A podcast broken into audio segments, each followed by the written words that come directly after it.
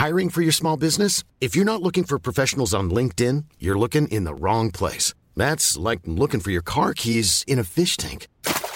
LinkedIn helps you hire professionals you can't find anywhere else, even those who aren't actively searching for a new job but might be open to the perfect role. In a given month, over 70% of LinkedIn users don't even visit other leading job sites. So start looking in the right place. With LinkedIn, you can hire professionals like a professional. Post your free job on linkedin.com slash people today.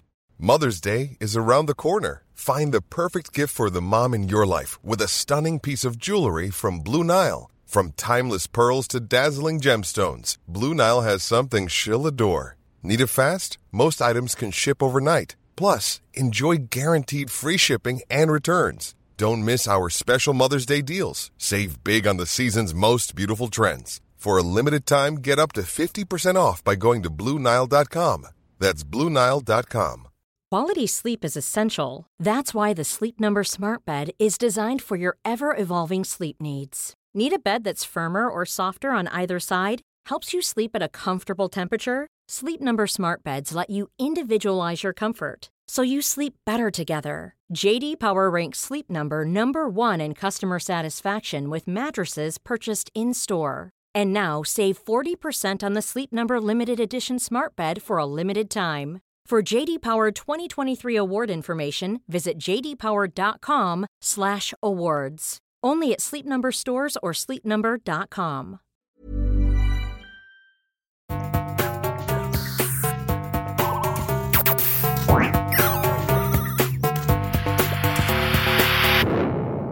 Velkommen til Sinnsyn. Jeg heter Sondre Risom Livre, er psykolog, og dette er Webpsykologens podkast. Hverdagspsykologi for fagfolk og folk flest.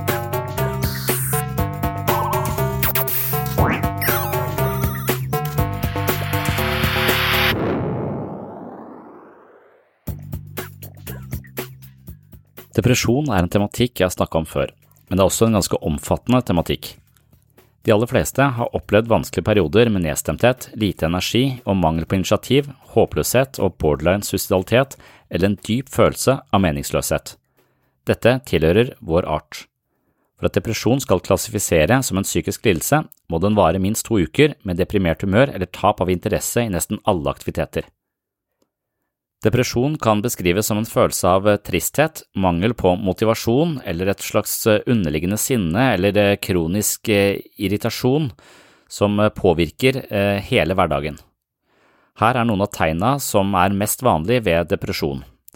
Det handler blant annet om en gjentagende tanke på død og selvmord, mangel på håp og optimisme eller en del skyldfølelse, lav selvtillit, manglende interesse for vanlige aktiviteter lite energi, som jeg allerede har nevnt, dårlig konsentrasjonsevne og endringer i søvn og appetitt.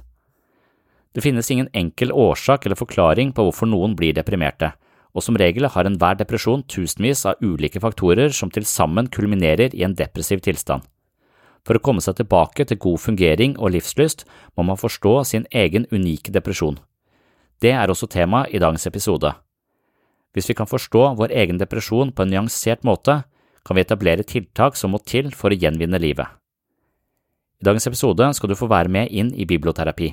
Det skal handle om hvordan vi forstår en depresjon, hva vi kan gjøre for å få det bedre, og hvordan depresjon forebygges.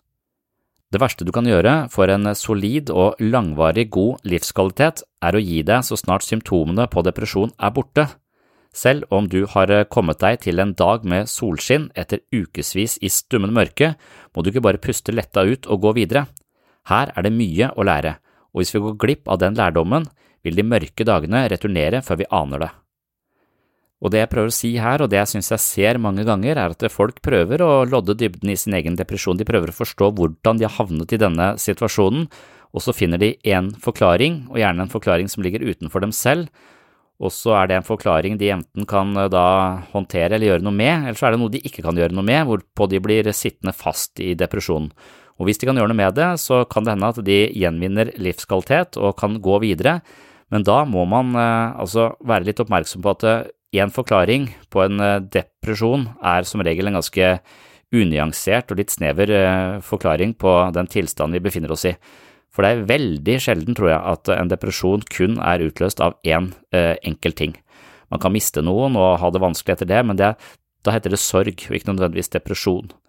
Så det er eh, mange faktorer som til sammen kulminerer i det man på en klinisk språk vil kalle depresjon. Og for å komme best ut av det, så må vi lære av vår egen depresjon. Og hvis vi finner én ting, for eksempel en medisin som plutselig tar vekk depresjonen, og sola kommer eh, fram bak skya, så, så, kan vi jo selvfølgelig leve videre som før, men da, som sagt, så tror jeg vi går glipp av ganske verdifull innsikt i oss eh, selv. Så det å generere ganske mange hypoteser og forståelser og ulike perspektiver på hvorfor vi har det sånn som vi har det, det er den viktigste jobben man gjør hvis man eh, havner i en depresjon. Så det er altså temaet i dagens episode. Velkommen til en, eh, ny depressiv episode av Sinnsyn. Og for at vi ikke skal falle helt ned i kjelleren, så begynner jeg med en liten vignett fra depresjonens tilstedeværelse i eh, popkulturelle, overfladiske TV-serier, noe som jeg altså ofte pleier å gjøre. Look, I know you've been really depressed lately, so I've brought someone over to cheer you up. Right outside this door is a real live furry playmate. Uh, no, I'm not sleeping with your friend Jane again.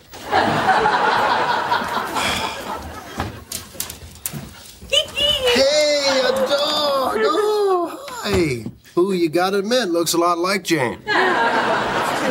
This is the happiest dog in the world. I borrowed him from my friend Wendy. So you can keep him till he cheers you up, and he will cheer you up. Thanks so much, Phoebes. We are gonna have so much fun. Yes, we are. Oh, not that kind of fun.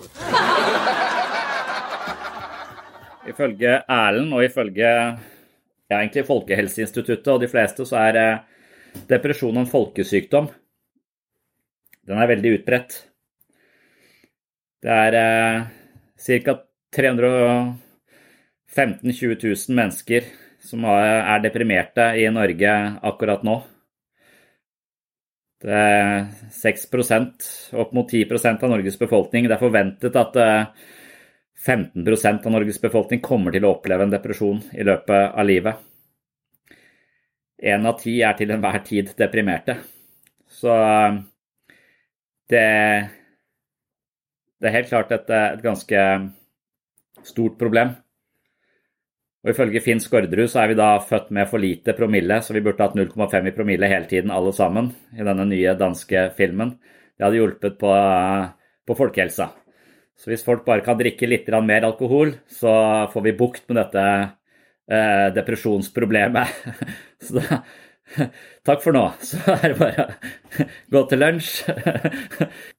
Det er det som er fordelen med hjemmekontor. Eh, Jeg vet ikke hvordan vi skal angripe, angripe dem, men for meg så er det et viktig poeng, det som jeg har snakket om mange ganger, at eh, depresjon er ikke en sykdom. Og det er ikke en, eh, en sånn helt klar etiologi eller årsaksforklaring på hvorfor noen blir deprimerte. Og depresjon er et signal eh, som Det er nok sannsynlig at kroppen og følelsene dine har prøvd å fortelle deg noe ganske lenge før det eventuelt eh, går opp på det nivået hvor det melder inn depresjonen som et, eh, som et symptom du er nødt til å ta hensyn til på en eller annen måte, for du, det hindrer deg å sove, det hindrer deg kanskje i å spise, det hindrer deg å gjøre alle de tinga som tidligere har, eh, har gitt deg glede. Så, så, på en eller annen måte så, så, er det som om noen skriker etter oppmerksomhet. Og det er jo en sånn psykologisk måte å, å, forstå det på, at det er et signal som vi er nødt til å lytte til, som forteller oss noe viktig om måten vi lever på. Og så er det så mange ulike forklaringer på det, og, og de forklaringene er jo eh, hører til ulike forståelser av hva det vil si å være menneske. Det er også noe som vi har snakka om mange ganger, at eh, du, du, kan jo forstå en, eh, en, depresjon som en ubalanse i nevrokjemi, eller eh, en eller annen hormonell forstyrrelse. Eller eh, mangel på søvn over lang tid, eller dårlig kosthold. Og alle de tingene spiller sannsynligvis inn på det å, å være i en depressiv tilstand. Og så tror jeg liksom det som er utfordringen vår, er å vekte hele tiden hvor mange av disse faktorene er mulig å gjøre noe med, og hvor mange av disse faktorene er mer eller mindre prisgitt. Så hvis det finnes en genetisk komponent da, eh, sånn at er, noen er mer eller mindre genetisk disponert for depresjon, eller mangler eh, en, en funksjon som produserer nok dopamin, så kan det jo være at det, det, da blir man ramma av en depresjon. Det er ikke nødvendigvis fordi man har levd på falske premisser eller sluntra unna noe i sitt eget liv. Det er fordi at man har eh, blitt eh, Har en type biologisk disposisjon som eh, koder for en depressiv sinnstilstand. Og det er ikke sikkert at man, Da kan det være at man er litt rammet av det. Eh, men så kan det også hende at det er veldig mange andre forklaringer som, eh, som, sier at det, selv om du har denne biologiske disposisjonen, så er hjernen såpass plastisk at det er mulig å bruke den på en måte, trene den opp som en muskel, som, som likevel kan fungere ganske adekvat uten disse depressive dyppa hele tiden. Så det vil være den mer sånn øh, psykologiske måten å forstå det på. Men når jeg leser sånn Det er veldig sånn avhengig av hva du leser, hvordan du forstår depresjonen, så føler jeg at det er veldig lett å sette seg fast i én forståelse av det. Så når jeg eh, hadde en periode når jeg leste Robert Sapolsky, så, som er sånn hardcore eh, biologisk, har et hardcore biologisk perspektiv på det, så, så, forteller han at han har eh, en tilbakevendende depressiv lidelse. For han så er det totalt mørkt innimellom. Og han forklarer det eh, fordi han er sånn nevrotype, så forklarer han det med synaptiske forbindelser og, og ulike nevrokjemiske ubalanser. Og han ser på det som diabetes. Han betrakter sin egen depresjon som, eh, som på, på, linje med å eh, ha brekt et bein. Eh, eller, så, så han, han, han ser på det som, som en ren sånn biologisk ting, og utelukker alle andre, andre, perspektiver. Og så mener han til og med at de andre perspektivene ansvarliggjør mennesker for en tilstand de ikke kan stå ansvarlig for. Så han mener at det å være Jeg vet ikke om han mener det sånn direkte, men han mener i hvert fall i forhold til psykopati, da, som ikke er depresjon, men som er en annen si, forstyrrelse, så vil han se på, istedenfor å fordømme en psykopat som en person som gjør forferdelige ting mot andre, så vil han se på psykopaten som en nevrokjemisk organisme som er feiljustert, som en bil som mangler bremser. Og hvis en bil ikke har gode bremser, så må vi ta den bilen inn på verkstedet og reparere bremsene. Eh, og hvis ikke vi klarer å reparere bremsene, så må vi aldri ta den bilen ut på veien igjen. For det er livsfarlig både for bilen og de andre som kjører på den veien. Og dermed så, så, ser han på det som en ren mekanisk ting. Og det å være psykopat vil for han være å mangle vesentlige deler i hjernen som gjør at vi eh, ikke klarer å regulere impulser, ikke har eh, speilnevroner som sørger for empatisk innlevelse i andre mennesker. Og dermed så er du en, en farlig person eh, for omgivelsene dine, og du må på verksted. Og verksted er psykiatrisk lukka avdeling, da, eller fengsel i, i disse tilfellene. Og, og, og, sånn er det med det. Men det kan hende at vi kan justere disse, denne nevrokjemiske ubalansen. Da kan vi ta vedkommende tilbake på veien. Han mener at det er et mer humant perspektiv, for vi fordømmer ikke andre mennesker da. Vi ser på de som, uh, som uh, biler med eller uten bremser. Vi, vi, ikke, vi, fordømmer, vi, fordømmer, jo ikke biler som mangler bremser. Vi ser på det bare som en mekanisk, mekanisk trøbbel. Så, så, vi klandrer ikke folk i den, i den grad. Så han vil jo si kanskje at den der psykologiske forklaringen på de fleste psykiske lidelser, som handler om at ja, du har unngått uh, viktige utfordringer, du tror på tankene og følelsene dine, du, du lever du unngår utfordringer og, og stiller deg bakerst i køen. Uh, du har ikke en god rytme, du står ikke opp om morgenen, du legger deg ikke presis om kvelden, du bruker mobiltelefonen din for mye, du spiser dårlig, uh, du, du, gjør ikke det du burde gjøre. Alle disse tingene de er litt sånn fordømmende, og de sier at enkeltmennesket ikke lever på, på, en optimal måte. Uh, og dermed så vil de kanskje få den skyldfølelsen i tillegg til depresjonen, som kanskje vil gjøre depresjonen enda verre. Samtidig som det perspektivet på depresjon, at depresjonen er Jeg vil være ganske påståelig på at depresjon er alltid forårsaket av minst 1000 ting. Det er sannsynligvis en hel del biologiske faktorer. Det er sannsynligvis også en hel del psykologiske faktorer, og eh, faktorer som du egentlig kan klare å justere for. For jeg tror det er litt banalt. Jeg tror det er eh, nettopp det å stå opp om morgenen, det å spise, eh, det å sørge for å ha en struktur på dagen, det å sørge for å være sosial selv om du føler for å trekke deg unna. Det å justere alle de tingene der sånn, hver gang du gjør en liten forbedring på det området, så vil jeg forvente altså at på sikt så vil depresjonen din også bli litt, litt bedre. Så, så, det er disse, alle disse eh, for, forklaringene, men alle de forklaringene som du kan gjøre noe med, de får du på en måte også skylda for. Det er vel det som man kan føle litt. Altså faktorer i depresjon som vi kan gjøre noe med, eh, men ikke klarer å gjøre noe med, de blir på en måte hvilende som vårt ansvar. Og, og det ansvaret kan kanskje være tungt å bære når du er deprimert. Så Robert Sopolsky vil si at den biologiske forklaringen som fritar deg litt for, eh, for ansvar, den vil eh, være lettere å bære.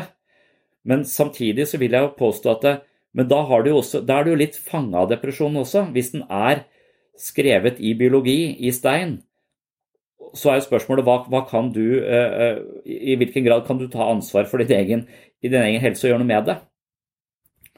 Uh, og da, da, havner vi i disse litt ulike perspektivene på, på hvordan man skal forstå depresjonen. Og jeg tror at vi, det eneste og det beste vi kan gjøre, er å finne 100 årsaker til vår egen depressive tilstand, og så skrive de ned på et ark, og så eh, gjette på hvor mange prosent eh, den årsaken eh, kan forklare min depresjon.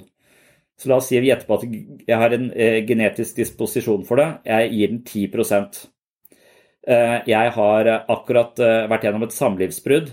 Jeg gir den 30% Jeg har litt problemer med å håndtere Eh, sinnet mitt, jeg gir det 10 eh, Jeg har lett for å sette meg på sofaen når jeg kommer hjem, og ikke eh, gå ut og trene, som jeg gjorde tidligere. Jeg tilskriver det 8 av nåværende eh, tilstanden. Og så må man lage et svært kart eh, med ulike årsaksforklaringer til sin egen depresjon, og så må man finne ut av er det noe av dette jeg har tenkt å gjøre noe med, er det noe av det jeg orker å gjøre noe med, og hvor kan jeg begynne hen. Det vil jeg si er en, en god strategi for å, for å forstå og, og håndtere sin egen, eh, sin egen, depresjon, hvis det er depresjon som er problemet. Og når det gjelder depresjon, så, så vil 50% av alle mennesker som har en depresjon, har også angst. Så de to tingene henger ofte, ofte sammen. Det blir eh, poengtert av eh, en av deltakerne i gruppa at depresjon også på sett og vis kan være arvelig. Og da tenker vedkommende ikke nødvendigvis på denne genetiske arven. Man kan jo være mer eller mindre disponert for det genetisk sett, det er uh, mulig, men det er også sånn at vi lærer å forstå verden via andres perspektiver. Så hvis vi vokser opp med mennesker som er uh, nedtrykte, nedstemte, pessimistiske, tenker i verst tenkelige scenarioer hele tiden, så kan det være vi lærer en måte å tenke på og forholde oss til uh, utfordringer på som ikke nødvendigvis er optimal, og at vi rett og slett adopterer et litt eh, depressivt eh, livssyn, verdenssyn, og vi risikerer å vokse opp med folk som kritiserer oss og tråkker på oss eller ignorerer oss, og at vi da vokser opp en idé om at vi er mindre verdifulle, og at denne typen dynamikker mellom mennesker er med på å legge til rette for et, eh, for et rett og slett et livsperspektiv som borger for en depresjon, og kanskje en gjentagende depresjon. Mm. Ja, så det vil være en slags sosial arv, da. En sosial arv som, som, som helt klart spiller inn. Så jeg, jeg, jeg syns det har vært interessant også, hvis man har et sånn utelukkende biologisk perspektiv på det, som tenker at eh, kosthold, trening og medisiner vil være det beste for, for depresjon. Det er, det, må, det er veldig sånne fysiske intervensjoner man tenker at det er en biologisk eh, eh, tilstand. Og hvis man utelukkende har det perspektivet, sånn som jeg oppfatter Robert Sapolsky, så lurer jeg på hva han ville da tenke når psykologen kommer og sier ja, men veldig mange deprimerte de er redd for sitt eget sinne, for nettopp som du sier, så har de vokste opp i en familie som har hatt litt sånn affektfobi. Så det å uttrykke følelser, det har vært eh, vanskelig. Eh, eller det har vært sånn Det har vært en slags stilltiende eh, justis på at vi undertrykker følelser. Og når man undertrykker sinne, så undertrykker man også en livskraft. Og når man undertrykker sinnet, så får man angst fordi man er redd for sitt eget sinn etter hvert. Man på en måte stenger det inne og snur ryggen til det, og etter hvert det blir som et spøkelse. Det blir som et monster. Etter hvert som du bare lukker det inn i skapet og ikke våger å se på det, så får du fantasier om hvor forferdelig det monsteret er, og langsomt så begynner det å banke og, og, og knurre fra, fra skapet. Og man ser sånn på sitt eget eh, indre liv, at du, du får monstre i deg sjøl som skaper angsten, samtidig som den livskraften som er i det monsteret til å sette grenser og komme seg videre og stå på, den mister du. Derfor så kommer depresjonen. Eh, de vil kanskje en ren sånn En som tenker rent sånn psykiatrisk, biologisk på det, vil kanskje si det der er kvakksalveri og pølsevev, eh, og det lurer folk inn i noen sånne freudianske ideer som eh, burde vært eh, stoppet på midten av 1800-tallet, og ikke overlevd inn i, inn i, vår tid. For det, virker lite, lite etterrettelig. Samtidig så tror jeg vi kan si at vi langsomt har en ganske Kanskje ikke akkurat den freudianske fortellingen av undertrykt aggresjon er er årsaken til depresjon. Men, eh, men, jeg tror jo hele tiden vi, vi ser at, eh, at måten vi tenker på, måten vi bruker hodet vårt på, aktiverer ulike deler av hjernen. Så hvis vi hele tiden krisemaksimerer, eller kommer fra et miljø som krisemaksimerer, så vi har lært oss å se negativt på ting eller forvente det verste osv. Hvis vi har en sånn et sånt operativsystem installert i huet vårt, så vil jo det hele tiden påkalle de negative følelsene. Og hvis de negative følelsene hele tiden påkalles, og vi ser på hjernen som en muskel, så vil jo vi trene opp styrken i de negative følelsene, og det vil oppta svær plass i vår mentale eh, økonomi. Men hvis du da begynner å tenke at det, den installerte programvaren som hele tiden fortolker ting på en sånn nedsettende måte, det er ikke nødvendigvis det beste operativsystemet, så man begynne å justere på sitt eget operativsystem. Og f.eks. aktivt gå inn for å være takknemlig for de tingene som går bra hver dag, eh, så vil man plutselig begynne å trene den muskelen som handler om takknemlighet og, og, og interesse, kanskje, og, og, få kultivert de gode følelsene. Og så vil hjernen rent fysisk se annerledes ut hvis du praktiserer det eh, hver dag over en lengre periode. Og dermed så vil jo Derfor så er jo dette metafysiske, denne ideene våre de er med på å påvirke biologien vår, og biologien vår er med på å styre måten vi tenker på. Så denne, denne årsaksvirkningen går begge veier. Og Det er det som på en måte mangler ofte i en forståelse av depresjon. at det, det, det, biologiske, Vi tror at det biologiske er utgangspunktet, og derfor så tenker du negativt og er deprimert. Mens måten du tenker på, vil også påvirke biologien din. Eh, så dette går jo Dette er ikke, dette er ikke en enveiskjørt gate. Denne gata går alltid to veier. Og jeg, jeg mener faktisk at det, kulturen vår også påvirker biologien vår. Sånn at, sånn at for, for eksempel med det jeg, jeg mistenker at det, menn og kvinner i utgangspunktet er biologisk forskjellige, men etter hvert som vi oppfører oss som om vi er eh, totalt likestilte, noe som er det beste perspektivet å ha, så vil vi langsomt også bli likere biologisk sett. For jeg tror, at, jeg tror at måten vi oppfatter jenter, forskjell på jenter og gutter Måten jeg ser på min datter og min sønn på, kontra hvordan min far så på meg og min bror på, liksom, det, det, det, tror jeg har forandra seg. Så jeg tror at vi langsomt får en forståelse for at, at kjønnene er likestilte, og at de er likt potensial. Og så tror jeg det også griper inn rent fysisk. Så jeg tror vi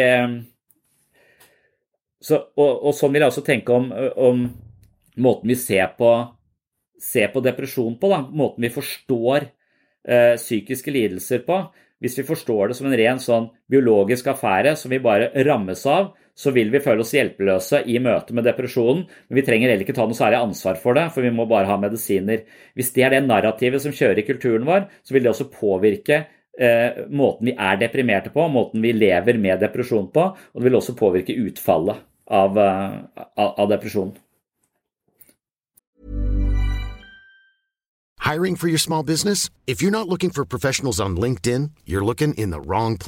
That's like looking for your car keys in a fish tank. LinkedIn helps you hire professionals you can't find anywhere else, even those who aren't actively searching for a new job but might be open to the perfect role. In a given month, over 70% of LinkedIn users don't even visit other leading job sites. So start looking in the right place. With LinkedIn, you can hire professionals like a professional. Post your free job on linkedin.com slash people today. Flexibility is great. That's why there's yoga. Flexibility for your insurance coverage is great too. That's why there's United Healthcare Insurance Plans. Underwritten by Golden Rule Insurance Company, United Healthcare Insurance Plans offer flexible, budget friendly coverage for medical, vision, dental, and more. One of these plans may be right for you if you're, say, between jobs, coming off your parents' plan, turning a side hustle into a full hustle, or even missed open enrollment. Want more flexibility? Find out more about United Healthcare Insurance Plans at uh1.com. Millions of people have lost weight with personalized plans from Noom, like Evan, who can't stand salads and still lost 50 pounds. Salads, generally, for most people, are the easy button, right? For me, that wasn't an option. I never really was a salad guy. That's just not who I am. But Noom worked for me. Get your personalized plan today at Noom.com. Real Noom user compensated to provide their story. In four weeks, the typical Noom user can expect to lose one to two pounds per week. Individual results may vary. Og, og det, det, er den sånn tredje kvadranten på det. Du har den biologiske, du har den uh, psykologiske, operativsystemet ditt, og så har du den, uh, den relasjonelle, den intersubjektive komponenten. At relasjoner betyr ekstremt mye for, uh, for, for, hvordan vi har det.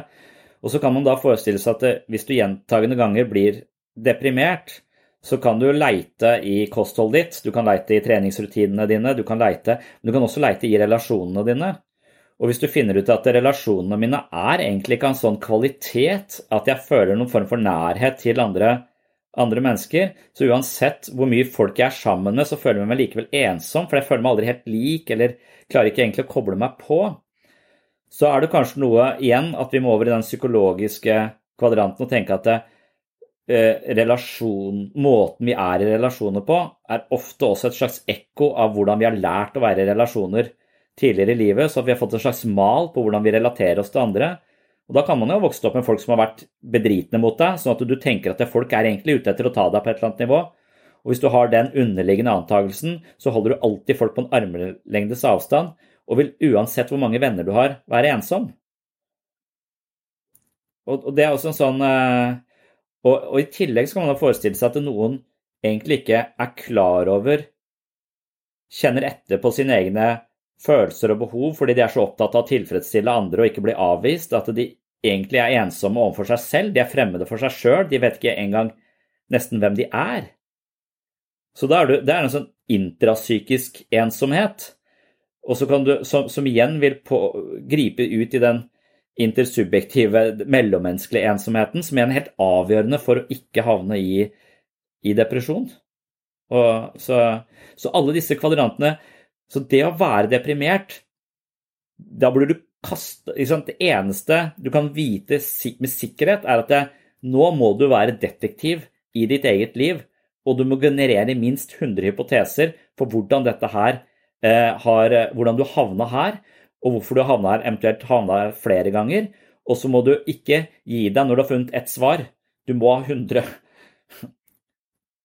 Eh, og, og relasjonene bør være en helt klar Det er veldig få mennesker som klarer å leve, føle veldig mye mening i livet hvis de alltid føler at de er på siden eller aldri hører til noe fellesskap, f.eks. Uh, mm. Så du vil, du vil, da vekte den mellommenneskelige komponenten veldig høyt i, en, i, i depresjon. Jeg tror det er et godt poeng. Og så spiller de jo Og så er de jo ikke liksom løsrevet fra hverandre. Det, det å skape mening i eget liv er noe som er ekstremt vanskelig i isolasjon. Og, og det å stimulere og, og, dele ting og få satt ord på ting, da bør du gjerne ha en eller annen øh, hvis, det, hvis, ditt indre liv skal bli synlig, så må du enten skrive det ned eller sette ord på det sånn at du ser det. Og det å snakke, det vil ofte være at du må ha en å snakke til, eh, som kan være med på å skape mening i det indre kaoset. Hvis du ikke har det, så, så vil du kanskje bare ligge der med telefonen ja, og, og være fanga i ditt eget fengsel, liksom. Uh, men jeg lurer på, på, selv liksom sånn For jeg har en tendens til å psykologisere alt. Jeg tror ikke så mye Jeg mener jo at jeg kan transcendere min egen biologi. Uh, at dette bare er et slags maskineri som jeg lever i, som må ha mat og næring og sånn. Men så, så egentlig så bør jeg være hormoner og blodsukker og sånn. Det skal ikke spille noen rolle på mitt humør eller min psykologiske men, men, jeg innser at det er feil, at, det, at biologien også betyr mye.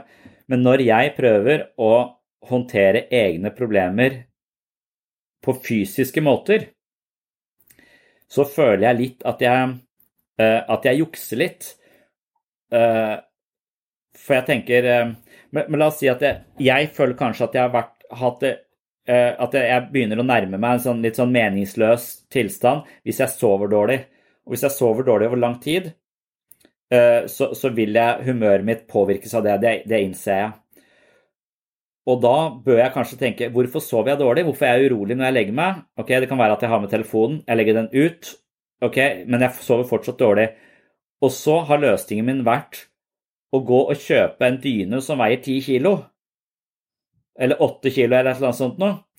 Sånn at jeg på en måte legger meg under et jernteppe og blir beltelagt til senga, noe som har gitt meg mye bedre søvn. Og når jeg har mye bedre søvn, så er jeg i et bedre humør, og jeg takler koronaen bedre. Og, og, og da, men da føler jeg kanskje litt at det, OK, men den der snikende nedstemtheten som du skulle lære noe av fordi du sov dårlig, den har du bare hoppa bukk over ved å kjøpe deg kuledyne. Har jeg da, har jeg da eh, gått glipp av Litt sånn som jeg tenker ja, ok, nedfor, jeg tar et glass whisky, og så lærer jeg ingenting. Depresjonen er borte, og jeg er happy. er det juks å drive med kuledyne, eller er det Men jeg tenker, hvis jeg nå har den kuledyna, sover bedre, men så igjen fortsetter å være nysgjerrig på hvorfor jeg var urolig, sånn at jeg ikke med en gang jeg har på en måte fått bukt med problemet på en eller annen eh, måte, fortsetter å være nysgjerrig hva var det som gjorde meg urolig? Altså At jeg ikke må gi opp det derre Ja, ferdig, over, gå videre, kjør på. At det er den feilen vi ofte gjør hvis vi føler en litt lettelse i depresjonen for å ha funnet én løsning så slutter vi å forske på, eget, eh, på, på andre mulige forklaringer. For det, det, er veldig vanskelig å motivere seg selv til å forske på egne forklaringer hvis du har det kjempebra. på en måte. Noe som folk ofte sier i terapi når de kommer hit. Da. 'Nei, du, i dag har jeg så bra, så ikke snakk til meg.' jeg vil ikke tenke på noe negativt. Nå skal jeg bare balansere i denne gode følelsen helt til jeg bare blir slått i bakken igjen. Altså, men det er eh, en dårlig strategi. Nå har du overskudd, nå må du virkelig Eh, ta deg sammen finne ut av Generere flere hypoteser. Ikke bare legg deg under det tunge teppet og, som dytter meg inn i en dyp søvn. Men det funker som bare rakkeren på meg, altså. Mulig det er placeboeffekt, det der med den dyna. Eh, at jeg bare nå innbiller meg at jeg har brukt 1300 kroner på noe som funker. Og det at den er litt dyr, eh, det gjør at jeg, jeg føler at dette må funke. Og så har jeg en opplevelse at det funker. ja. Men det er vel litt, litt den derre eh, ideen i forhold til depresjon at, eh, at, det der som vi har snakket om tidligere i dag også, om å være eh, en som konsumerer noe, eller en som produserer noe. Og så føler jeg at det, det mest eh, eh det mest antidepressive som fins, er jo å produsere noe eh, inn i et fellesskap. gjerne. Altså at du har den sosiale, relasjonelle komponenten samtidig som den skapende kraften og det, den forpliktelsen du gjør i fellesskapet, samtidig som du føler at du stimulerer og bruker ressursene dine til å produsere noe, det er, det er liksom å være veldig sånn Da er du virkelig da er du meningsskapende. Og det å være meningsskapende til stede i livet, det er det motsatte av å være en konsument som bare tar ting inn. Så det er vel der jeg får sånn skepsis mot min egen kuledyne, for det føles som jeg kjøper noe der ute og bare legger det over meg, istedenfor å Så det en det føles ut som en billig løsning, akkurat som å spise eller drikke. da. Altså, Jeg tar bare noe, jeg bare fyller det tomrommet i meg med alkohol isteden. Så, så det føles ut som en passiv, passiv intervensjon. Men jeg er ikke sikker på om man trenger å se det sånn. F.eks. så kan jeg tenke at uh, la oss si alkohol er en hjelper, da. Det er ikke noen god strategi. Men, men la oss si at jeg bare altså jeg kommer opp på et nivå hvor jeg virkelig kan begynne å bruke ressursene mine. Så jeg må ikke bare gjøre det for å få det vekk, jeg må, jeg må, gjøre det for å komme på et nivå hvor jeg kan bruke ressursene mine til å undersøke dette. Eh, kanskje bruke nedstemtheten til å produsere noe Eller ja, komme tilbake til en aktiv posisjon. Da. Eh, og da tenker jeg medisiner kan fungere på den måten at det hjelper deg opp på et nivå hvor du, hvor du kan bli en produsent igjen. Og at eh, du er nødt til å bli en produsent. Og det er kanskje sånn også Ja, for det er jo så, er jo så merkelig at uh, du, kan, du, kan, være dypt deprimert, få strøm i hodet, og så er du ikke deprimert eh, 14 dager seinere. Altså, og, så, og, så, varer det lenge. Du har bare strømma huet ditt. Og, og da, da, har jo opplevelsen For da har du gjort en kjempeintervensjon på det biologiske. Du har rett og slett bare restarta eller bare gitt hele maskinen din sjokk, sånn at den bruker flere deler kanskje av, av seg sjøl. Men Fortsatt så har du det samme operativsystemet. Eh, hvis du da fortsetter å leve det samme mønsteret, gjøre de samme tingene, bare være fornøyd med at nå er depresjonen over, og så fortsetter i akkurat samme spor du har gått i før, da, da, vil du mest sannsynlig havne på den samme depressive plassen en gang til der borte. Og når jeg sa det til han, så sa han ja, ja men da tar jeg bare med strøm, da. så tenker jeg ja, kanskje, kanskje det går. Jeg vet ikke. Ja, hva skal man si til det? Det Ja, da er, det, da er, du ikke interessert i å lære noe, da? Er det det du tenker? At du, du er ikke Ja. Men da er du litt over på den, eh, på den i den grøfta som, uh, som devaluerer alt det fysiske litt, da, på, uh, på sett og vis. Men jeg, jeg kan være tilbøyelig til å være enig i, i, mye av det du sier, men da, da vil man kunne også si at uh, den kuledyna jeg har, det er en overfladisk, eh, lettvint løsning som frarøver meg muligheten til å lære noe. Så istedenfor å kjøpe ei kuledyne, så burde jeg begynt å bruke et laken hvor jeg virkelig ikke får sove. Faren, tenker jeg, også viktigheten av det biologiske, er at det er kanskje ikke intervensjoner av den biologiske karakteren som gir deg den største innsikten, men, men det kan også være at biologien kjører deg ned i ei grøft som gjør at du ikke er kapabel til å få noe som helst innsikt, for du er så kjørt. Så hvis du ikke sover, f.eks., så vil du være stein umulig å få til noe som helst form for innsikt eller, eller refleksjon. Så det er en betingelse for å klare å lodde dybden i seg sjøl at man faktisk sover. Da. Så det, i de tilfellene så må man også sørge for å tilrettelegge for en slags uh, mulighet for å lære noe hos, uh, hos seg sjøl. Og der, der vil det biologiske være veldig veldig viktig for å, for å komme dit. Ja. Så det er et fint perspektiv, for da på en måte likestiller du de fleste grepene man gjør i forhold til sin egen depresjon hvis man er aktiv. Så egentlig så handler det bare om om man forholder seg passivt eller aktivt til sin egen situasjon. Da. Så, så, så hvis man eh, kjøper en kuledyne, og det er en, et ledd i en eh, lengre strategi for å, for å Eh, forbedre sin egen helse på, på, ulike områder, så har man kanskje et svært kart over alle de ulike tingene som jeg tror påvirker min helsetilstand. Og så har jeg bestemt meg for å gjøre noe med det. Jeg skal trene to ganger i uka, og jeg skal gå i psykoterapi en time i uka. Og jeg skal kjøpe en kuledyne, og jeg skal uh, slutte å spise kjøtt, eller et eller annet sånt noe. Så, så, så er det, det, er det aktive valg du har gjort, uh, og dermed så eier du det litt. Så selv om det kommer utenfra, så er det liksom du, du, du, oppfatter at det er holdningen bak handlingen som spiller en rolle. Og da gjør det ikke så mye om du kommer innenfra. Da er det både de psykologiske og de mer fysiske grepene du gjør, eh, det kommer fra et aktivt sted. At det er det avgjørende. Ja. Men jeg tror kanskje at, eh, at, at det, selve rammen rundt den endringsprosessen da er liksom forankra i det, i det mellommenneskelige. For det, jeg tror det er eh, mange som har operativsystemer som sier at de er ikke noe verdifull, så jeg gir faen i meg sjøl. Så, så, det å klare å forandre det å klare i det hele tatt å komme seg i noe som helst aktiv posisjon i forhold til seg selv, det er ofte noe man må gjøre eh, i kraft av eh, tilhørighet i et fellesskap. Eller at man av og til gjør det for andre enn seg selv. Man holder seg i live fordi man har barn, f.eks. Så at eh, man, den eneste eh, muligheten til å finne en mening i livet, den vi må forankre oss i et eller annet form for relasjonelt fellesskap utenfor oss selv. For hvis ikke så blir det vanskelig å Hva skal jeg med kuledyn? Jeg vil faen i meg sove eller ikke sove. Jeg driter i meg sjøl, på en måte. Eh, så det er ofte folk er der.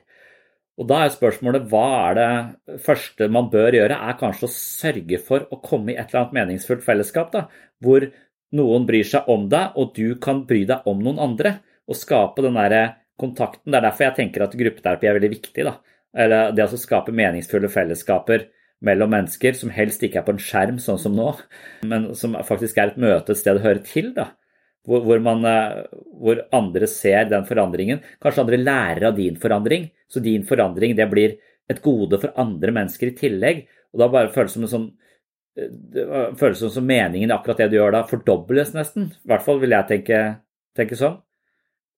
At det er en absolutt ramme rundt, rundt endringsprosesser. Og altfor mange sitter hjemme og leser en selvhjelpsbok og prøver å, prøver å å gjøre det som står der. Stå opp hver morgen, men hvis vi ikke har noen å stå opp til, sier, så er det ikke noe Ja, ja det, det, tror jeg også er et kjempeviktig poeng, at man i et fellesskap forplikter seg, og at forpliktelsen ofte hjelper oss å fullføre noe, fordi vi har noen som uh, ser oss. Og, da, og da, det, da, er det kanskje at de fleste av oss trenger andre mennesker, men så kan det være at noen bytter ut andre mennesker med Gud. Eh, og da har du alltid en å spare med, på en måte. Så er, Gud er nesten en sånn objektrelasjon som kan brukes til å skape mening i livet. Og liksom Albert Aabert har jo Schybert. Og Schybert er jo en person han sparer med, som han har konstruert. Så han lager en variant av seg sjøl som han kan, som man kan uh, utforske ting med og skape mening i en lek. For det faren sitter jo bare og leser avisa og røyker pipe.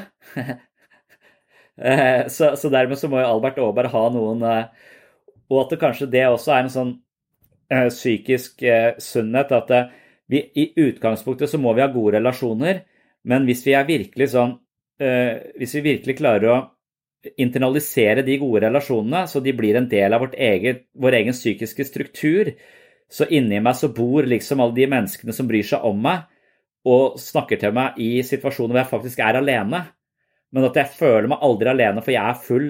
Jeg er, jeg er alle relasjonene mine til andre folk. Det er også en sånn fantasi jeg av og til har.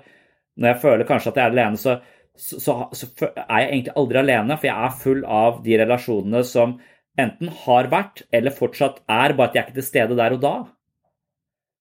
Så en sånn relasjonell måte å tenke om sitt eget indre liv i isolasjon på, kan også kanskje være noe man kan ta med seg. Men så tror jeg man hele tiden må opprettholde de relasjonene faktisk i den faktiske virkeligheten også.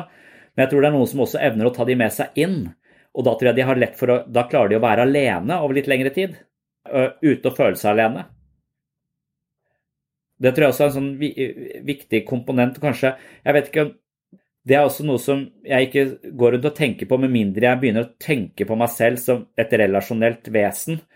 Og igjen at jeg må ha et bilde på det, en slags metafor som gjør at jeg kan hvile i disse relasjonene når de faktisk ikke er der.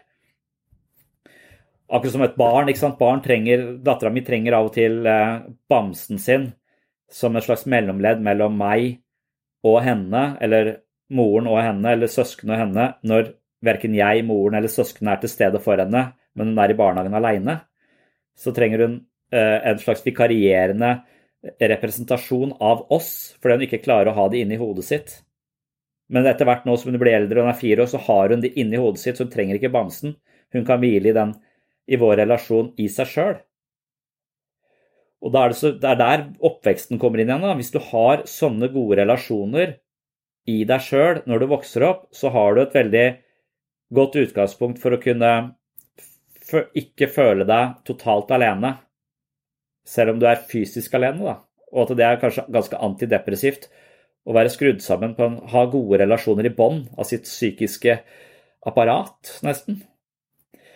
Og hvis vi ikke har det med oss fra barndommen, så handler det om å skape det i livet, i livet sitt. For det er veldig mange som kommer hit som nettopp mangler det. da. At de i relasjonen ikke har vært optimale på noen som helst måte. De har ofte hatt noen gode noen venninner eller en venn eller en bestefar, et eller annet som har, har, har fungert. Men så er det også mange andre som ikke har, har fungert. Det er et sånn veldig vanlig spørsmål på folk som jobber med, med psykisk helse, f.eks. Er, er det ikke tungt å møte andres eh, eh, plager og lidelse? Tar du ikke med deg hjem, osv.? Altså, jeg tar jo med meg de relasjonene hjem, frynsegodene, ved å jobbe i dette systemet. De er bedre enn noe frynsegoder i noe annet system. Av og til så kan du, Noen steder får du med deg kulepenner. Moren min jobba på sykehus og tok med sånne kluter hjem. Altså, det er liksom, noen, har med seg, noen har noen frynsegoder, men jeg føler at jeg har eh, at jeg bare propper Jeg får stadig nye relasjoner som kommer til å bo i meg, som jeg sparer med, og som, som lever i meg lenge etter at de menneskene har slutta her sånn. Og, og det er jo på en måte Og de relasjonene er ofte mer oppriktige. De, de, har nesten en annen kvalitet enn de menneskene jeg sånn tilfeldig møter av naboer som jeg kjenner litt, eller foreldre i klassen, som er sånn Du har sånn distanserte forhold til. Mens disse her, er, det, disse typer relasjoner kan jeg ta med meg. Eh, og, og, og, og, de blir boende. Jeg blir stadig, har stadig flere objektrelasjoner å spille på i meg sjøl. Så jeg føler jeg som eh, det å jobbe i, i, denne typen med mennesker på denne måten her, det er ikke noe som Det tar ikke jeg med meg hjem som en byrde. Det tar jeg med meg hjem som en berikelse. Ja, jeg er så dypt og inderlig takknemlig for, for akkurat det. Men jeg har det sånn som dette her med, med musikk også. Og det, det, slo meg her, for at jeg, jeg var og spilte en, eller var på en fotballkamp på et annet sted av byen. Og så ser jeg et menneske som jeg kjenner herfra, som går på bussen. Og da skjønner jeg at vedkommende har vært på skole. Og jeg husker eh, for lang tid siden Jeg husker denne lange relasjonen jeg har til dette mennesket, hvor, det, hvor, hvor, målet var denne skolen, og nå vet jeg at det har gått tre år. Da vet jeg at hun er fortsatt på skole. Da har du klart det, på en måte. Og akkurat som det, eh, akkurat som det eh, bare, Jeg så bare ryggen på vedkommende, men ryggen på vedkommende lyste opp alle, alle de situasjonene med det mennesket inni hodet mitt. Ikke sånn at jeg husker det så spesifikt, men det er på, akkurat som en, en, en, en, sang jeg ikke har hørt på lenge, kan lyse opp en hel by for meg, eller en hel epoke i livet. Eh, så, så, så jeg kan gå rundt i byen jeg kan gå rundt og høre på musikk, og så plutselig så dukker det opp noe uh, som, som, tar meg tilbake dit og dit. På en god måte. Akkurat som dette, denne ryggen på dette mennesket tok meg tilbake til en epoke som, uh, som også, godt nok var ganske utfordrende. Og vi hadde ikke den beste relasjonen hele tiden, men vi lærte å kjenne Så, så det, det, uh, det, er, det, er, det er sånn jeg tenker kanskje at vi også sparer med kulturelle objekter når vi er deprimerte. At vi hører på Hvis vi er nedfor og hører på musikk som er Eh, depressiv, så er det for denne fellesskapsfølelsen. Jeg føler at jeg, jeg er ikke alene om det. Uh, og, og, det, det, minner meg så, så Når jeg ser denne ryggen, så er det ikke fordi at det gir meg sånn gledelse Jeg blir glad for at vedkommende fortsatt er holder planen, og jeg tenker det går bra med vedkommende. Men jeg føler også all den smerten som vi har vært igjennom, men som en god Jeg vet ikke, som en sånn sur, søt ting. Eller eh, som en eh, som et sånn påminnelse om at livet er faen meg jævlig vanskelig innimellom. Men det er faktisk mulig å Ja, alle disse tingene kommer sammen. Så det er ikke nødvendigvis en sånn euforisk følelse på noe sted, men det er en ganske sånn dyp følelse. Av mange følelser. Men da, da er vi også inne på en sånn problematikk som jeg lurer på For at jeg kan innbille meg å se tilfeller av at vi, jeg føler vi kan hjelpe, eller grupper kan hjelpe mennesker når de er her. Men så går de tilbake til livet sitt igjen, og så, forts, og så, er de på en måte Da forsvant de menneskene som var viktige for meg, og så, og så er jeg så, jeg tror den derre eh, hvis, hvis, du skjønner Jeg vet ikke hva, det, hva vil det si da å ta med seg dette mennesket videre? Som jeg føler at jeg bare blir for flere og flere og flere og flere, og blir bare mindre og mindre ensom etter hvert som du møter mennesker der, fordi de, bor, de bor i meg videre. Og det er en idé som jeg, som jeg, har, men så føler jeg også at noen ikke klarer å internalisere de relasjonene. Og at de har vært veldig nær noen, men når de er borte, så er det mer, det føles mer som et brudd, som et tap. Jeg tapte det mennesket, og nå er ikke det mennesket livet mitt lenger. Og så blir det en sorg og en, et tap istedenfor en følelse av en berikelse du tar med deg videre. Fordi at man ikke ser på det det, det, objektrelasjon det er en diffus ting. Det er jo ikke noe. Hvor er det hen? Jo, det er i deg hvis du henter det. Det er en stemme som kan fortsette å bo i deg hvis du tenker på det på den måten. Men jeg vet ikke hva skal til for å tenke på det på den måten. For, for det er noe som bare Ja, da gikk jeg tilbake til akkurat det samme. Og, og, og mer at de slutter med en dyp sorg enn at de slutter med en følelse av berikelse. Ja, Avslutninger spiller, spiller, en rolle for hvordan skal du ta dette med deg videre. Så, men det er akkurat som kanskje Jeg lurer på om det er Hvordan skal man operasjonalisere det? Det er viktig med en god avslutning. Men så, så tenker jeg på det Dette føltes som en veldig sånn, viktig forskjell på å avslutte noe som blir borte for alltid, og, og, ta med seg det som fysisk blir borte, som en berikelse i livet videre. En sånn veldig, veldig stor forskjell på måter å avslutte, avslutte noe på. Og, så, og da husker Jeg så, jeg var, hadde en sånn periode hvor var opptatt av en sånn rar filosof som het Robert Anton Wilson. Og når kona hans døde, så så jeg et intervju med han, og da sa de ja, hvordan har du det nå? Nei, det er ikke noe stor forskjell. Altså, eh, kona mi hun er en integrert del av mitt nervesystem. Vi er ett eh, menneske, så hun er for så vidt ikke død. Eh, jeg er sammen med henne hver dag fortsatt, så det, det var forskjellen på om hun var død og ikke død. Den, den, den, spilte han ned på en sånn måte jeg tenker ja, hun, le, hun lever fortsatt i deg, på en måte. For dere, hun, han hadde en slags fysisk forståelse at deres nervesystem var kobla så tett sammen, de hadde vært sammen hele livet. Og at det dermed, så, selv om hun fysisk sett var borte, så var, levde hun fortsatt videre i han, på en måte. Det, det, er litt sånn, Jeg tror det er jøder som tenker at folk dør to ganger. De dør idet de dør, og så dør de idet de blir glemt. Uh, ingen husker de uh, lenger. Det, men, men, men, jeg bare, som, som, å sitte igjen da, etter å ha mista kona si, så tenker jeg at det å sitte igjen på den måten som en opplevelse av at uh, hun er en del av meg, er en helt annen måte enn nå har jeg tapt halvparten av meg, det er blitt borte. Og, hva, hva, er det med de som klarer å ha dette som en integrert del av seg sjøl, og de som eventuelt bare mister det? Um, handler det bare om holdningen vår til det? At vi, vi må forstå at ah, ting, er for, ting, er ikke tapt, ting er bare med meg på en annen måte nå? Eller Det føles ut som det hadde vært fint hvis noen sa akkurat hvordan man gjorde det, til alle folk. Ja, så kan vi sjekke, sjekke av på det. Eh. Men kanskje Ja, for kanskje denne evnen til å ta ting med seg egentlig er det samme som det vi kaller mentaliseringsevne, som egentlig handler om å forholde seg til sitt eget indre liv.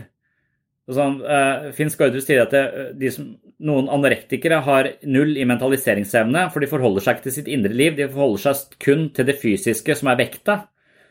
Så, så de, de, forholder seg kun til den fysiske virkeligheten, og dermed ikke til den psykologiske virkeligheten. Og at det er en, eh, er en forskjell. Så etter hvert som man utvikler et forhold til sitt eget indre liv, så vil denne muligheten oppstå. Men idet man er så redd for sitt eget indre liv, fordi man har så mange traumatiske erfaringer og så mange vonde minner og så masse mareritt at man ikke orker å se innover i det hele tatt, så vil man ikke kunne ta med seg noe som helst bortsett fra det som er i den rent fysiske virkeligheten. og Da er man avhengig av den fysiske virkeligheten. Og da er man egentlig ganske sånn Da er man ganske sårbar for, eh, for tap. Så liksom, jeg bare lurer på Filosofi og sånn Plato snakker om idéverdenen og den fysiske verden er to forskjellige virkeligheter. Vi har en slags eh, virkelighet av konsepter, og vi har en slags virkelighet som er rent fysisk. Og det å bo i begge de to virkelighetene er kanskje ganske viktige. Eh, mens jeg tror kanskje noen i liten grad bor i den psykologiske virkeligheten fordi de opplever den psykologiske virkeligheten som et forferdelig sted å være. Og dermed så vil de hele tiden ja, leve på flukt. da. Så det å tåle å forstå og bli venn med sitt eget indre, indre liv, så man kan begynne å samle på gode relasjoner der inne som man kan ha med seg for alltid, istedenfor at de blir borte hvis de er borte i den, eh, den fysiske virkeligheten, det må være Det er nesten litt som å ha sånn relasjonell demens. da Altså at eh, Demens er en liksom tilstand hvor du ikke kan ta med deg minner eh, fordi du husker, husker det ikke. Og, så, og, og hvis, man, eh, hvis, man, ikke forholder seg til sitt eget indre liv, så har man kanskje hukommelse, på en måte. Man har ikke en sånn psykologisk Man har en sånn type psykologisk demens, nærmest. Og man ikke tar med seg relasjoner videre inn i, inn i fremtiden, som man kan hvile i og, og bygge på. og og på en måte få stadig flere bærebjelker i, i livet og, og, og, mulige forhold til seg selv. Altså disse selvrelasjonene vi har, som er en internalisering av de relasjonene vi har tatt med oss. Men på en måte så, så kommer det an på altså, Jeg har ikke noe sånn spesielt eksplisitt hukommelse. Sånn at eh, Og det har jeg fått eh, psykologiske forklaringer på. At jeg har veldig lite sånn autobiografisk hukommelse. Så jeg vil ikke men, men, jeg husker Jeg vet ikke hva jeg husker, men jeg kommer til å huske Jeg vet at jeg kommer til å huske det, men jeg kommer ikke til å huske Hvis det går ti år og vi ikke har sett hverandre, så er jeg ikke sikker på om jeg husker utseendet ditt, eller noe sånt, men jeg, jeg, jeg, husker noe annet som er litt vanskelig for meg å sette ord på, men som jeg vet kommer til å være med meg. Jeg tror jeg jeg lurer på om det kan ligne det sånn jeg har det. For det er ikke så veldig lenge siden så var jeg plutselig tilbake på min egen videregående skole av ulike årsaker så var jeg plutselig i den samme kantina, og det var en ganske merkelig opplevelse. Og det var ikke nødvendigvis en behagelig eh, opplevelse. Den var ikke en veldig ubehagelig opplevelse, men den var en sterk opplevelse. Og jeg tror nok den er fortrinnsvis negativ, fordi jeg tror at i den kantina der, da var jeg den mest usikre varianten av meg selv som jeg har vært i hele mitt liv. Jeg, jeg var mer sånn dum og naiv på barneskolen og ungdomsskolen, mens på, videregående, og da var jeg ganske selvbevisst og usikker.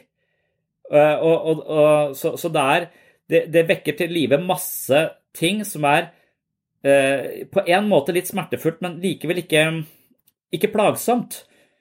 Så, så, det er kanskje det Eller kanskje litt sånn at jeg helst ville Ja, jeg orker ikke. Men, men det er den, den, sårbare delen som, hvis du ikke hater den, kan ha litt omsorg for, og, og at du da også, ved å ha flere andre sånne relasjoner å spille inn på, så, så kan jeg liksom godt være den sårbare, usikre delen av meg sjøl det er sånn, fordi at jeg har så mange andre internaliserte ting som kunne være med å støtte opp om dette. Og jeg visste at jeg var ikke aleine, sånn som jeg følte kanskje jeg var aleine der. For da Jeg vil si at på videregående så prøvde jeg å være noe andre enn jeg var. Jeg, vil ikke være meg sjøl, jeg vil være Paris. Jeg husker en sånn der reklame på, på TV.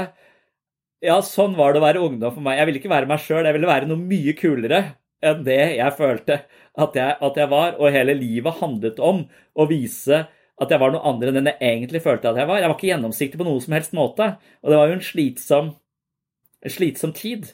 Nei. Not. Nei. Not. Nei. Seri altså, hvor er slankesidene i det bladet her, liksom? Ja, Bodymasseindeksen, da. Ja. Ja, seriøst. Ja, seriøst altså. okay, ok, Hvor mange kalorier er det i en tyggegummi? Eller lipgloss? Lipgloss? Ja, Du får det i deg. Kust Gjørsson.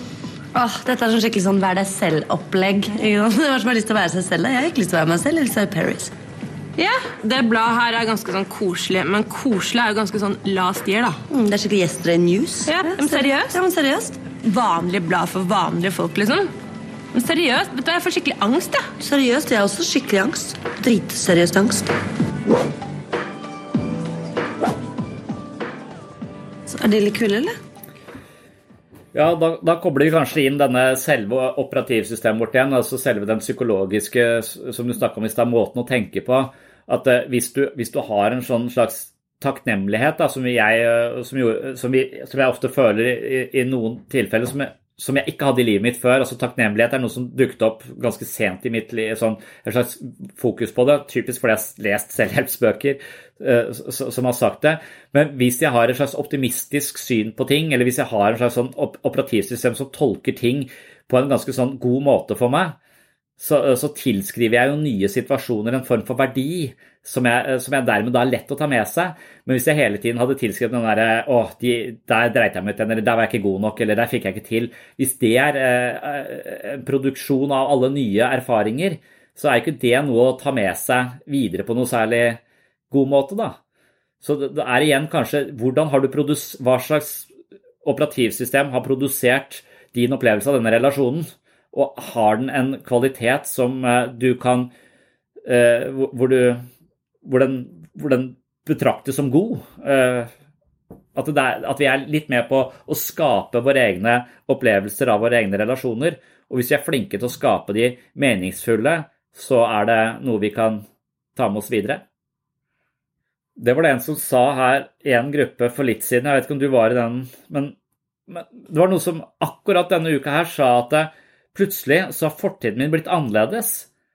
Altså Alt det som jeg har sett på som negativt og vanskelig osv., det, det, nå, det, det ser jeg på som eh, Jeg husker andre ting. Jeg husker de gode tingene også. Jeg har hele tiden, og det er gjentatt, det har skjedd, og det har skjedd. Jeg har vært i et spor som har bare husket alt faenskapet, på en måte. Men nå husker jeg også alle de gode tingene. Så jeg har fått helt annet, en helt annen hukommelse, nærmest. At det, det, det, har de har reformulert noe i seg selv. Ved å være på et bedre sted nå, så klarte de å reformulere en del av, av eh, sin egen historie, nesten. Gode relasjoner spiller altså en vesentlig rolle når det kommer til eh, psykiske plager, og ikke bare de fysiske relasjonene man faktisk har i verden, men også hvordan man eh, forstår og lagrer disse relasjonene i seg sjøl, kan være helt avgjørende. Jeg innleda med en vignett hvor eh, Joey var eh, deprimert og fikk en eh, hund som selskap av Phoebe, Og etter en halv dag da, sammen med denne hunden, så var vel ideen at Joey skulle føle seg bedre. Han hadde en, et vesen å spare med, noen å forholde seg til, noen å speile sine nedstemte tanker med. Og Phoebe håpet da at han skulle bli mer oppløfta, for det, dette her var verdens gladeste hund. Dessverre så var det ikke akkurat det som eh, skjedde. So, between her and me being friends and her history with Ross, just isn't gonna happen. Be like you falling in love with a cat. Hey. Hey. Hey, buddy. How's my favorite dog, huh? How's my favorite dog? You're subdued. Did you give him a beer? No. Will you excuse us? We need to talk for a moment. Yeah, sure. Oh, me, right. He's miserable. What happened to him? Nothing. We just talked about stuff. What stuff? Rachel stuff. Oh, Joey, you bummed him out. This is the happiest dog in the world, and he spends half a day with you, and look at him. He's breathing. Okay, I'm gonna take him back to Wendy's. No, no, no, no, no. He's fine. Hey, look, look, look. Here's your ball. Get the ball. Get your ball. Get your ball. Get your ball. Get. My God, what have I done to you? Huh? I broke the dog. Thieves, I broke the dog. Tusen takk for uh, følget. Tusen takk for at du hører på Sinnsyn. Tusen takk til alle dere som tuner inn her hver uke og hører på episodene. Det syns jeg er uh, veldig stas og veldig gøy at så mange gjør, for det begynner å bli ganske mange etter hvert. Så det er uh, veldig motiverende. Og takk til alle dere som har anbefalt podkasten til venner og bekjente, eller delt episodene i sosiale medier osv. Det hjelper dette prosjektet å nå ut til et større publikum, og det er jo målet mitt på, på lengre sikt. At stadig flere skal bli litt interessert i hva som foregår i vår indre verden, altså bli interessert i et slags sinnssyn. Til dere som finner verdi her på podkasten og ønsker å støtte prosjektet, sånn at jeg kan holde hjula i gang sånn rent økonomisk, så er patron.com for seg sinnssyn stedet å gå. Det er forholdsvis kostnadskrevende å drive en podkast, og det er ikke minst veldig tidkrevende, så jeg trenger litt drahjelp, og det får jeg. Fra Patron-supportere, så tusen hjertelig takk til alle dere som er Patron-supportere. Det gjør det mulig å holde denne podkasten på beina år etter år, og jeg trives med å gjøre det, jeg synes det er kjempegøy, og derfor så er jeg så utrolig takknemlig for alle dere som støtter podkasten via patron.com for segs sinnssyn. Som bidragsyter så vil du også få ganske masse ekstramateriale, jeg har masse ekstra episoder av sinnssyn, masse videomateriell, en del øvelser, jeg leser opp mine egne bøker, jeg også gjør bøkene mine om til lydbøker, så alt det her kan du få tilgang til på Patron, og du kan da velge selv hvilken type abonnementsordning du ønsker, fra 5 dollar opp til 10-14 dollar, tror jeg det er. Yes, det var det jeg hadde for denne gang. Det kommer en ny episode rett rundt hjørnet, så på gjenhør!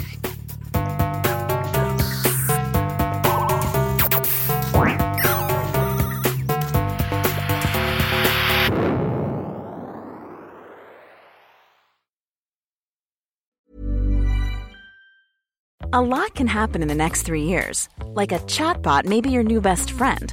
But what won't change? Needing health insurance. United Healthcare Tri Term Medical Plans are available for these changing times. Underwritten by Golden Rule Insurance Company, they offer budget friendly, flexible coverage for people who are in between jobs or missed open enrollment. The plans last nearly three years in some states, with access to a nationwide network of doctors and hospitals. So, for whatever tomorrow brings, United Healthcare Tri Term Medical Plans may be for you. Learn more at uh1.com. Hi, I'm Daniel, founder of Pretty Litter. Did you know cats tend to hide symptoms of sickness and pain? I learned this the hard way after losing my cat, Gingy. So I created Pretty Litter, a health monitoring litter that helps detect early signs of illness by changing colors, saving you money and potentially your cat's life. Pretty Litter is veterinarian developed, and it's the easiest way to keep tabs on your fur baby's health right at home. Go to prettylitter.com and use code ACAST for 20% off your first order and a free cat toy. Terms and conditions apply. See site for details. Cool fact a crocodile can't stick out its tongue. Also, you can get health insurance for a month or just under a year in some states. United Healthcare short term insurance plans, underwritten by Golden Rule Insurance Company, offer flexible, budget friendly coverage for you. Learn more at uh1.com.